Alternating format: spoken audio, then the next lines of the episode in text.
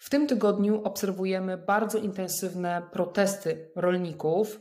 Protesty te generują bardzo dużo potencjalnych politycznych konsekwencji, nie tylko jeśli chodzi o polską politykę, ale również jeśli chodzi o kwestie naszych relacji międzynarodowych.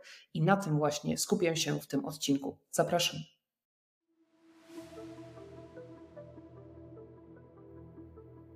Witam Was w krótszej formule mojego podcastu. Brief 460 to około 10-minutowe odcinki, w których wybieram dla Was jedno najważniejsze polityczne wydarzenie tygodnia i omawiam jego krótko i długoterminowe konsekwencje.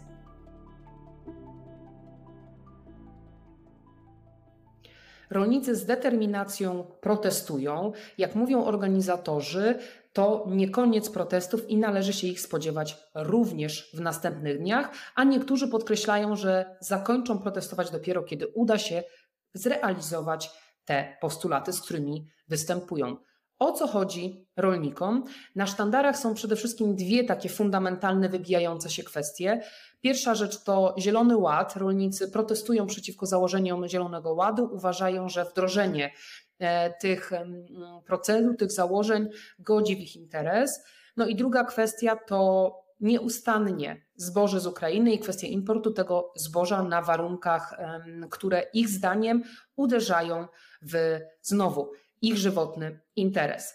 To nie są tematy nowe. Zwróćcie uwagę, że swoje uwagi zwracali e, rolnicy na te kwestie już co najmniej kilka miesięcy temu. Wiąże się to oczywiście po pierwsze z wojną i jej konsekwencjami, a po drugie z pewnymi decyzjami podejmowanymi na gruncie europejskim, jeśli chodzi między innymi o Zielony Ład. Zatem problem nie jest nowy, emocje jednak eskalują, natomiast um, są one też wywołane częściowo decyzjami, które zostały podjęte jeszcze przez poprzedni rząd, tym bardziej, że tym reprezentantem, który za kwestie e, rolnicze na gruncie europejskim ze strony polskiej odpowiadał, był Janusz Wojciechowski, przedstawiciel Prawa i Sprawiedliwości. Zatem stare problemy można by rzec, ale to nowy rząd będzie się mierzył z konsekwencjami nie tylko praktycznymi tego problemu, ale również stricte politycznymi. Sytuacja oczywiście dla rządzących jest niekorzystna. Nigdy protest nie jest komfortowy dla polityków, w szczególności jak mają oni przed sobą dwa, dwie bardzo poważne elekcje. Mamy za chwilę wybory samorządowe, później europejskie. Na ten moment mm, koalicje rządzące mają jeszcze, no nie wiem czy to jest komfort, no ale w pewnym sensie tak, taki oto komfort, że mogą mówić i tłumaczyć, że oni e, w zasadzie muszą teraz sprzątać po decyzjach poprzedników, rządzą tylko dwa miesiące, więc to jakby ta sytuacja nie jest jeszcze ich odpowiedzialnością. Ten stan nie potrwa jednak bardzo długo, więc żeby się to nie odbiło na poparciu dla rządu, na razie się tak nie dzieje, Przede wszystkim rząd musi znaleźć sposób na to, jak ten problem deeskalować i załatwić. No i druga rzecz, przede wszystkim musi utrzymać bardzo jakościowe relacje i komunikacje ze środowiskami protestującymi, żeby rzeczywiście traktować tych ludzi e, poważnie. Poparcie społeczne dla tych protestów jest znaczące. Tego nowy rząd też nie może zignorować. Jak pokazują badania IBRIS dla Rzeczpospolitej, 54,3% respondentów zdecydowanie zgadza się z postulatami rolników, zaś 22,9 raczej się zgadza. Jeśli sumujemy te procentowe dane, to widzimy, że to poparcie jest znaczące. Zatem tutaj rzeczywiście rząd ma mm, bardzo poważny orzech do zgryzienia. Jakie są możliwości? Przejrzałam trochę stanowisk ekspertów w tym tygodniu z zakresu e, spraw właśnie związanych z rolnictwem. No i niestety to pole potencjalnych możliwości wcale e, dla rządu nie jest jakieś e, bardzo szerokie ponieważ albo biorą pod uwagę jakieś rekompensaty finansowe, myślę, że temat trudny w ogóle przez rządzących nie poruszany, albo upatrują pewnej szansy na dogadaniu pewnych kwestii ze stroną ukraińską. No, z uwagi na sytuację Ukrainy też może to nie być łatwe, natomiast no, prezydent Załański wyszedł z inicjatywą spotkania na granicy polsko-ukraińskiej, więc, e, więc zakładamy, że ten temat będzie podejmowany, bo no to też jest bardzo ważne, żeby te relacje na tym nie ucierpiały. No i wreszcie trzecia rzecz, Bruksela, czyli próba rozwiązania tego, e, tego konfliktu z poziomu europejskiego. Tutaj chyba wszyscy upatrują największych szans, dlatego że wiele przykładów z innych krajów pokazuje, że można spróbować tym e, problemom zaradzić właśnie z perspektywy relacji z Unią Europejską. Myślę, że innej, innej drogi e, bardziej sensownej nie ma. Zatem tutaj na pewno rząd musi podejmować działania i realnie jakieś tąpnięcie, hipotetyczne na razie, poparcia może nastąpić tylko wtedy, kiedy społeczeństwo, które tak mocno, jak powiedziałam, popiera rolników, zauważy, że rząd ani się nie stara, ani nie jest skuteczny. Więc jakby to jest bardzo ważne zadanie dzisiaj dla rządu, żeby e, żeby próbować ten problem deeskalować, ale to nie jest tylko kwestia związana z wyborami, choć oczywiście na pewno z punktu widzenia rządzących ważna.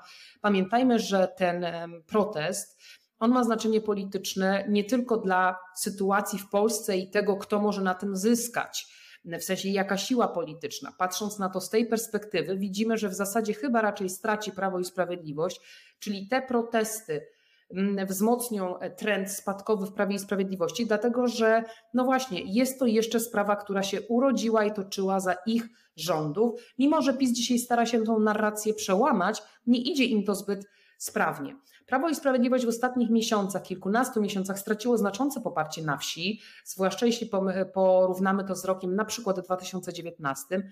Nie oznacza to, że ta partia ma już niewielkie poparcie na wsi. Tam jest cały czas duży rezerwuar elektoratu PiSu. Niemniej ten spadek jest widoczny i sądzę, że te protesty mogą tutaj jeszcze mm, te emocje rolników od Prawa i Sprawiedliwości odwrócić. Szczególnie jeśli rząd będzie tak bardzo ofensywnie komunikacyjnie podkreślał, czyja to jest praca i zasługa. Natomiast kto może zyskać? Naturalnie na czoło wysuwa się tutaj Polska 2050, a bardziej PSL trzecia droga.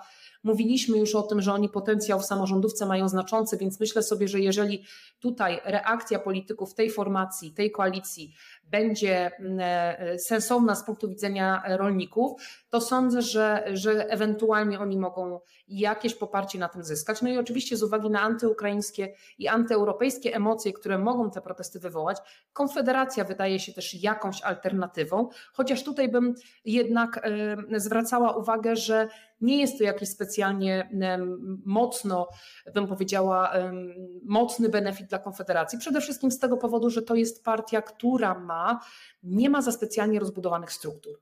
A to jednak w przypadku Polski warunków ma znaczenie. Więc jakby tak to wygląda, jeśli chodzi o potencjalne benefity wynikające z tej bardzo trudnej sytuacji. Jeśli chodzi o e, kwestię zewnętrzną, zobaczcie, dwie sprawy stosunki polsko-ukraińskie. Po 2022 roku naprawdę Polska zrobiła bardzo dużo i te relacje zaczęły się zmieniać. Więc tego typu konflikty na pewno nie są e, korzystne dla tych dwustronnych relacji, tym bardziej, że w ramach tych e, protestów pojawiały się no, incydenty takie, bym powiedziała, naprawdę, które nie powinny się w tym kontekście geopolitycznym pojawiać, czyli incydenty na granicy polsko-ukraińskiej, czy też proputinowskie wprost hasła na sztandarach protestujących. Zatem tutaj liderzy mają zadanie, żeby w tym aspekcie pilnować jakości tych dwustronnych relacji. No i jest jeszcze aspekt geopolityczny tych protestów. Pamiętajmy, że te protesty nie dotyczą tylko Polski. One się toczą również w innych krajach europejskich i oczywiście rolnicy się tam postulatami jakoś różnią. Nie zmienia to faktu, że to wszystko jest nieprawdopodobnie wspaniała okazja dla Putina, żeby uruchomić dezinformacyjną e, działalność, wzmocnić te nastroje chaosu, wzmocnić te negatywne nastawienie do Ukrainy, do Ukraińców w różnych krajach europejskich, gdzie te protesty się toczą. I w zasadzie dzisiaj już nikt nie ma żadnych złudzeń, że Putin z całą pewnością z tej sytuacji skorzysta, dlatego że on żeruje na chaosie, on uwielbia go generować i czerpać z niego polityczne korzyści. To jest ogromne zagrożenie, w szczególności na kanwie geopolitycznych wyzwań, z jakimi dzisiaj mierzą się państwa europejskie i Unia Europejska. Zatem wszystko to, co będzie te relacje Zachodu osłabiać, jest dla Putina ogromnym prezentem. To jest co najmniej kolejny argument, dlaczego dzisiaj nie tylko liderzy Ukrainy, Polski, ale również politycy e, europejscy powinni skupić się na tym, jak deeskalować i czym prędzej rozwiązać ten problem, żeby jak najszybciej w tym aspekcie doszło do, do deeskalacji, żeby nie tworzyć tego obszaru, w którym może Putin sporo zyskać. Pamiętajcie, że z Zachodem walczą od lat również przez właśnie bardzo skuteczną dezinformację.